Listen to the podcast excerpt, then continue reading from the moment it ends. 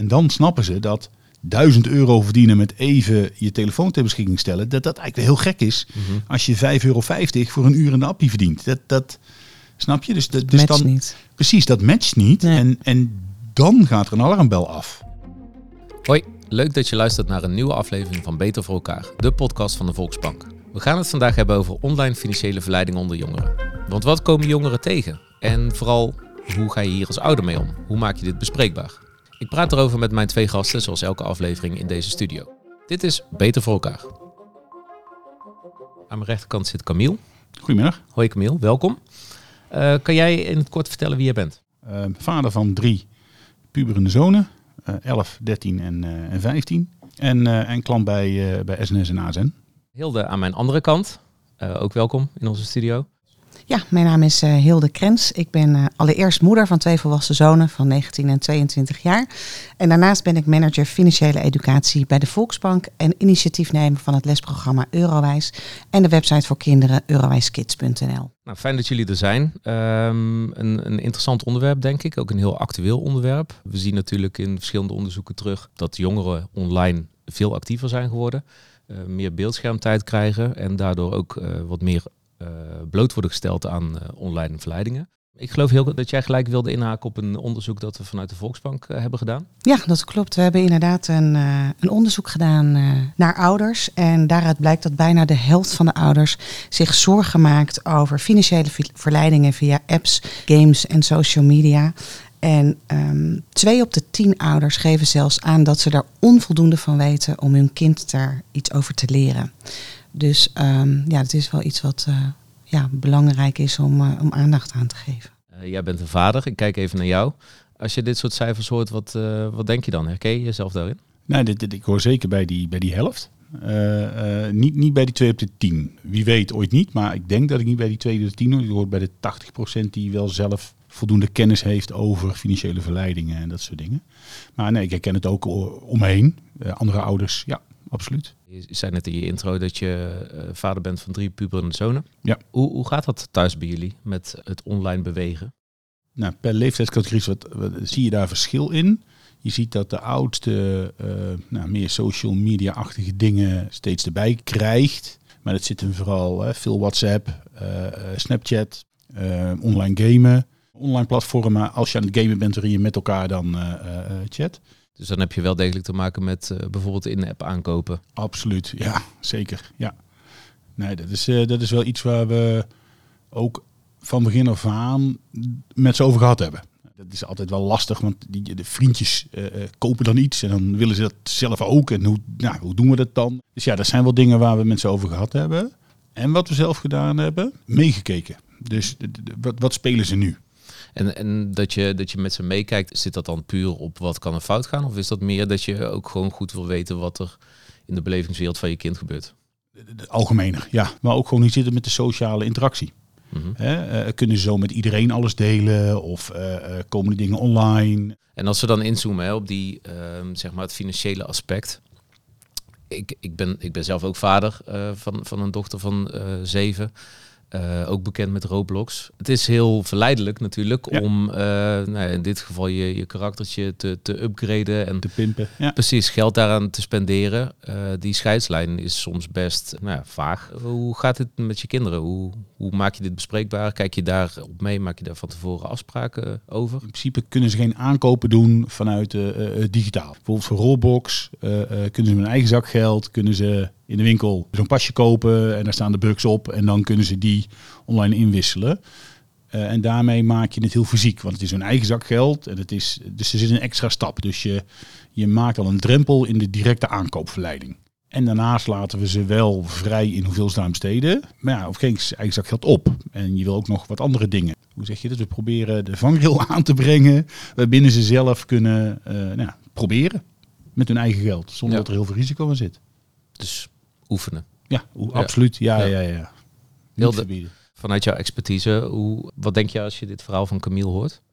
Nou, sowieso heel goed dat je met je kind meekijkt. Eh, dat je eh, kijkt wat ze aan het doen zijn. Dat je daar ook eh, geïnteresseerd in ben. Ik kan me voorstellen dat, uh, we nemen nu het voorbeeld uh, Roblox, maar er zijn natuurlijk legio andere spelletjes die kinderen doen, waar je als ouder heel vaak geen weet van hebt.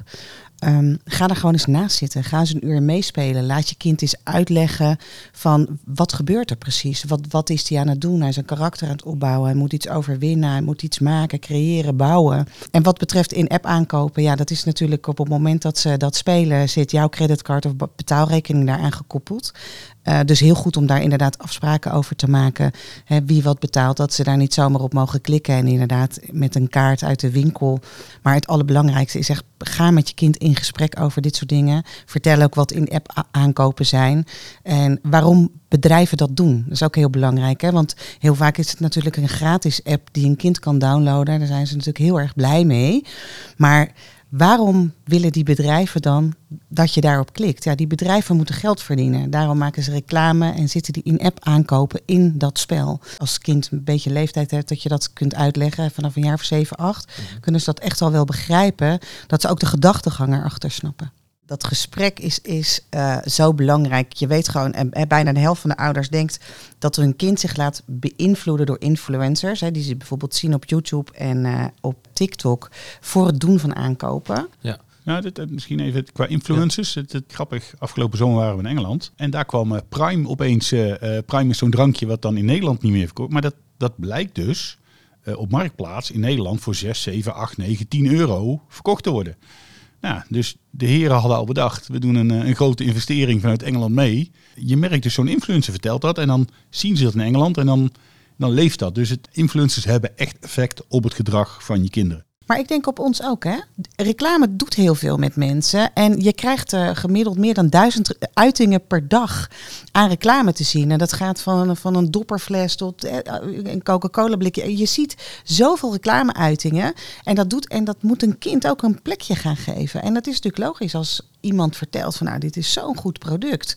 Dat je denkt, nou, dat geloof ik. Absoluut.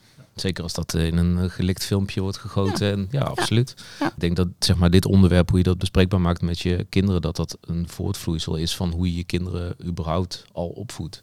Ja. Ehm, als ik even naar mezelf kijk, dat gaat, bij ons gaat het op een vrij natuurlijke wijze. Maar ik kan me ook voorstellen dat je je kind ook een bepaalde vrijheid mee wilt geven. Dus dat je niet overal bovenop wil zitten. Wat is zeg maar voor jou die balans tussen probeer het maar uit, kijk maar of het goed gaat. En nu wil ik er bovenop zitten om te voorkomen dat het echt misgaat dat is ook een balans die groeit. Ik denk dat het vooral zit in de impact en de langdurigheid van de impact. Uh, social media, uh, YouTube, dat is vrij oneindig.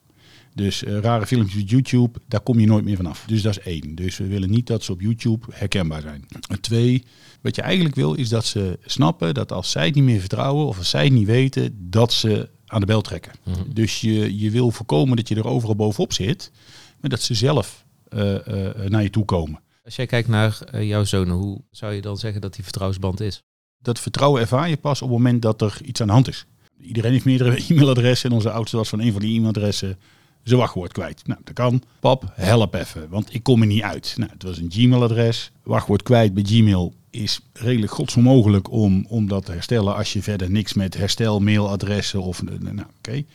Dus wij zoeken, nou, kwamen we op het telefoonnummer, gingen we bellen. Amsterdams nummer, maar uiteindelijk achteraf maar toen wist ik het niet, blijk je in India terecht te komen. Mhm. Even meekijken. Nou ja, weet je, oké, prima. De computer over. Oh, oké, nou, en ik ben digitaal niet onhandig, maar nou, het ging nog best wel mee. Ja, en er moest dan een betaling uh, plaatsvinden. Oké. En toen bekroop er langzaam zo gevoel van oké. en dan staat er zo'n idealbetaling open. Uh, hoezo is dit een cadeaukaart? En toen was ik zoiets van, wacht even, dit is niet goed. En dan zit er zo'n zoon achter, ja maar pap, is, is mijn e-mail. Weet je? Dus ik ben heel blij dat hij aan de bel getrokken heeft en zegt: Pap, kun je even helpen? Want ik weet het niet, ik snap het niet. Want had hij dit alleen gedaan, ik denk dat hij gewoon op oké gedrukt had. Ik denk dat hij gewoon geld betaald had en uiteindelijk niks gehad had. Achteraf ga je dan nazoeken wat is er eigenlijk gebeurd. En dan blijkt dat dit een hele grote bekende hoax is. Het oplossen van Gmail-problemen is gewoon big business. Pas op dat moment, hè, dus als het dreigt fout te gaan, dan pas ervaar je Ehm, nou, hoe goed het vertrouwen dan is. Dus vanuit dat voorbeeld kan ik zeggen, het vertrouwen is goed. Ja, want, want denk je dat je uh, overal zicht op hebt, wat, wat je kinderen online doen? Nou, dit, dit, ja, nee. Uh, ja, alle Windows-accounts uh, zijn een familieaccount. Dus daarmee kunnen we zien wat ze doen. We kijken eigenlijk niet, maar het is meer, we kunnen het wel zien. Op die manier proberen we wel wat schuttingen neer te zetten, wat, wat, wat vangrails. Maar ja, zeker bij die oudste, weet je, dat, ja, um, 15, 16. Dat is wel een interessant punt, denk ik. Want online uh, beweging, of tenminste online innovaties, die gaan natuurlijk razendsnel. Er komt om de havenklap komt er uh, iets uh, nieuws, spectaculairs bij. Zonder dat we nu hier om de tafel zitten als een stel boomers. Hoe blijf je zeg maar bij met wat je kinderen online doen? Dat lijkt mij een enorme uitdaging. Ja, het er gewoon met elkaar wel over hebben. Hè. Dus als ze veel op een scherm zitten of met een vriendje gamen, wel met elkaar over hebben. Wat heb je gedaan? Nu gegamed. Oké, en wat dan? En wat is er dan zo leuk aan? Of zelfs uh, mijn middelste heeft een, uh, een vriendje die verhuisd is. Die woont in een andere stad. Uh, mm. waar je niet iedere dag even naartoe kan. Ehm, en die gamen online. Daar hebben ze sociaal contact. Dus, dus vanuit dat oogpunt kun je het ook zien als een mogelijkheid. Het is niet alleen een bedreiging, het is ook een mogelijkheid. Zeker. Um, en dan is, ja, precies wat Hilde zegt, het gesprek aan blijven gaan. En oprecht geïnteresseerd zijn in hun belevingswereld. Wat maakt dat TikTok zo leuk is. Ja. We zoomen nu natuurlijk eh, best wel in op de uh, in-app aankopen, uh, de, de, games die, die gespeeld worden. Maar er liggen natuurlijk veel meer risico's. Niet om nu een of andere doemdenker te zijn. maar er liggen natuurlijk veel meer risico's op de loer voor, voor jongeren. Wat, wat kan jij erover vertellen, Hilde? Nou, je hebt natuurlijk uh, nog meer uh, online uh, verleidingen. Denk bijvoorbeeld aan het snel rijk worden filmpjes die ze zien vanuit influencers op social media. het klikken op verkeerde linkjes is ook een, een hele grote. en geldezels natuurlijk. Dat is toch wel wat bij deze doelgroep al speelt. WhatsApp-fraude gebeurt deze leeftijd niet zo heel veel, maar dat kennen ze natuurlijk wel van ouders of van grootouders waar dat bij gebeurd is.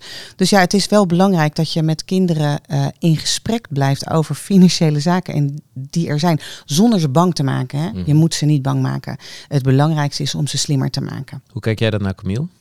Nou, de, de, de, de, eens. Je krijgt zelf wel eens van die mailtjes van... Uh, uh, hey, we hebben meegekeken met je camera, we weten wat je gedaan hebt. Um, weet je, die laat ik ook op een kinderen zien. Die lachen zich allemaal suf. Maar dat helpt wel. Dus je, je, je helpt ze door ze het palet uit te leggen waar het op kan zitten. Vanuit uh, werk word je vaak ook getraind van hey, let op, uh, kijk naar deze dingen. Nou, die tips kan ik ook aan mijn kinderen meegeven. Hey, let op het, van wie komt het, staan de spelfouten in. Um, dus je probeert ze educatie mee te geven. Um, ja, ja, het kan nog steeds fout gaan. Als het te mooi is om waar te zijn, dan is het ja, dat ook. Ja, Weet je, dus ja. dat en, en dan, dan vertellen ze enthousiast over een filmpje wat ze gezien hebben of over. En dan probeer je ze daar wel te duiden van ja, maar denk je dat dit echt kan? Ja, en dat, dat soort gedachten helpen wel. Maar goed, ja, dat, je kan niet alles afvangen. Nee. Ja, dat is vooral die snel rijk worden filmpjes. Hè. Dan worden kinderen natuurlijk die denken, ja, dat is zo uh, veel geld. En dan uh, reageren ze en dan kunnen ze als of als geldezel worden ingezet of een bankrekening stellen ze dan ter beschikking. En ze hebben geen idee wat de consequenties zijn. Nee, en dat, dat is het ergste vaak. Hè. Dus, ja. dus, maar dat is ook omgeving die daar, uh, onze oudste heeft een bijbaantje. Nou, dat, bijna onze vrienden hebben een bijbaantje. En dat helpt wel, want ze merken waar ze voor werken. Dus als er iets stuk gaat of wel iets nieuws of iets vervangen en hij krijgt kleedgeld, dus dan is dat een optelsom van financiële educatie. Um, en dan ervaren ze ook de waarde van geld en dan snappen ze dat 1000 euro verdienen met even je telefoon ter beschikking stellen, dat dat eigenlijk heel gek is mm -hmm. als je 5,50 euro voor een uur in de appie verdient. Dat, dat, snap je? Dus, dat dus dan, niet. Precies, dat matcht niet. Nee. En, en dan gaat er een alarmbel af. We hebben natuurlijk uh, veel gehoord over online verleidingen. Uh, je hebt, Camille, je hebt uh, veel gedeeld over hoe dat bij jullie thuis gaat. Hilde, zijn er nou concrete tips die je de luisteraars mee kan geven hoe ze dit onderwerp, hoe ze dat kunnen aanpakken, hoe ze dit kunnen bespreken thuis? Ja, allereerst praat met je kind over geldzaken. Uh, en dat geldzaken is natuurlijk heel breed. Dus ook over in-app aankopen. Daarmee creëer je een basis van vertrouwen. Jij vertrouwt je kind, je kind vertrouwt jou. Als er iets mis is, komt je kind uh, naar je toe. Je kunt in-app aankopen uitzetten op je mobiele devices. Dat, hè, dat kan je natuurlijk als ouder ook doen. Mm-hmm. Dan kan je al een hoop leed uh, voorkomen. Doe je dat niet, maak afspraken. Als er iets gebeurt op de in-app aankopen, wie gaat dat betalen? van zakgeld, hoe ga je het oplossen? En op het moment dat je er afspraken over gemaakt hebt, kan je altijd teruggrijpen. Ja, maar we hebben afgesproken dat jij dat zelf zou betalen. Of ik zou dat betalen, wat je afspraak uh, ook is. En wat ik al eerder heb meegegeven, ja, toon interesse in wat je kind online doet. Ga ook eens op TikTok kijken. Ga naar YouTubers, influencers kijken. Ga meekijken met ze Roblox game, met ze whatever ze doen. Kijk eens mee. Wat doet je kind? Hoe, socia hoe sociaal is dat eigenlijk? En uh, ja, dan kan je ook weer reageren op uh, zijn enthousiasme. En dan wordt het allemaal wat blijer thuis. In plaats van dat je zegt, hey, je moet nu van je laptop af. Weet je, maak het uh, wat gezellig. Ja, vind ik een goed advies. Camille, als je, als je deze tips hoort, ik denk dat het heel goed aansluit bij uh, zeg maar hoe je de situatie bij jullie thuis hebt uh, ja. geschetst. Um, zit daar misschien nog een tip van jou bij, waarvan je denkt van nou, die, die, die mis ik nu in het verhaal van Hilde. Maar... Mis denk ik geen tip, maar wel de nuance. De, weet je, het gaat niet iedere dag op. Dus soms ben je het gewoon zat dat ze twee uur achter het scherm hebben gezeten. Ja. En dan ben ik niet blij. Dat is heel menselijk. Natuurlijk. Weet je, dus, dus uh, dat is één. En, en misschien is nou, wel de aanvullende tip. Um, heb het er als ouders met elkaar over. Want ze hebben het donders goed door. Als papa A zegt en mama B, dan hebben ze gewoon door. Dus ze spelen je gewoon uit. Je kan pas iets overdragen richting je kinderen als je er zelf ook bewust mee bezig bent. En dat is ook wel lastig, want ik zit zelf veel op het scherm. Hoe draag je dat dan over aan je kinderen? Weet je, dus, dus ja, uh, hoe zeg je dat? Naar je, je kinderen één verhaal houden, uh, dan moet je jezelf ook aan het verhaal houden. En dat is heel lastig. Dus je moet ook consequent zijn naar jezelf. Ik denk dat we hiermee aan een mooi einde zijn gekomen van deze aflevering. Uh, Hilde, ik wil jou graag bedanken voor uh, jouw expertise en jouw tips. Camille, dankjewel dat jij uh, zo open kon zijn over de situatie thuis en dat je je ervaringen wilde delen. En dit was hem. Dit was weer een nieuwe aflevering van Beter voor elkaar, de podcast van de Volksbank. Vond je dit een leuke aflevering? Abonneer je dan in je favoriete podcast app. Tot de volgende.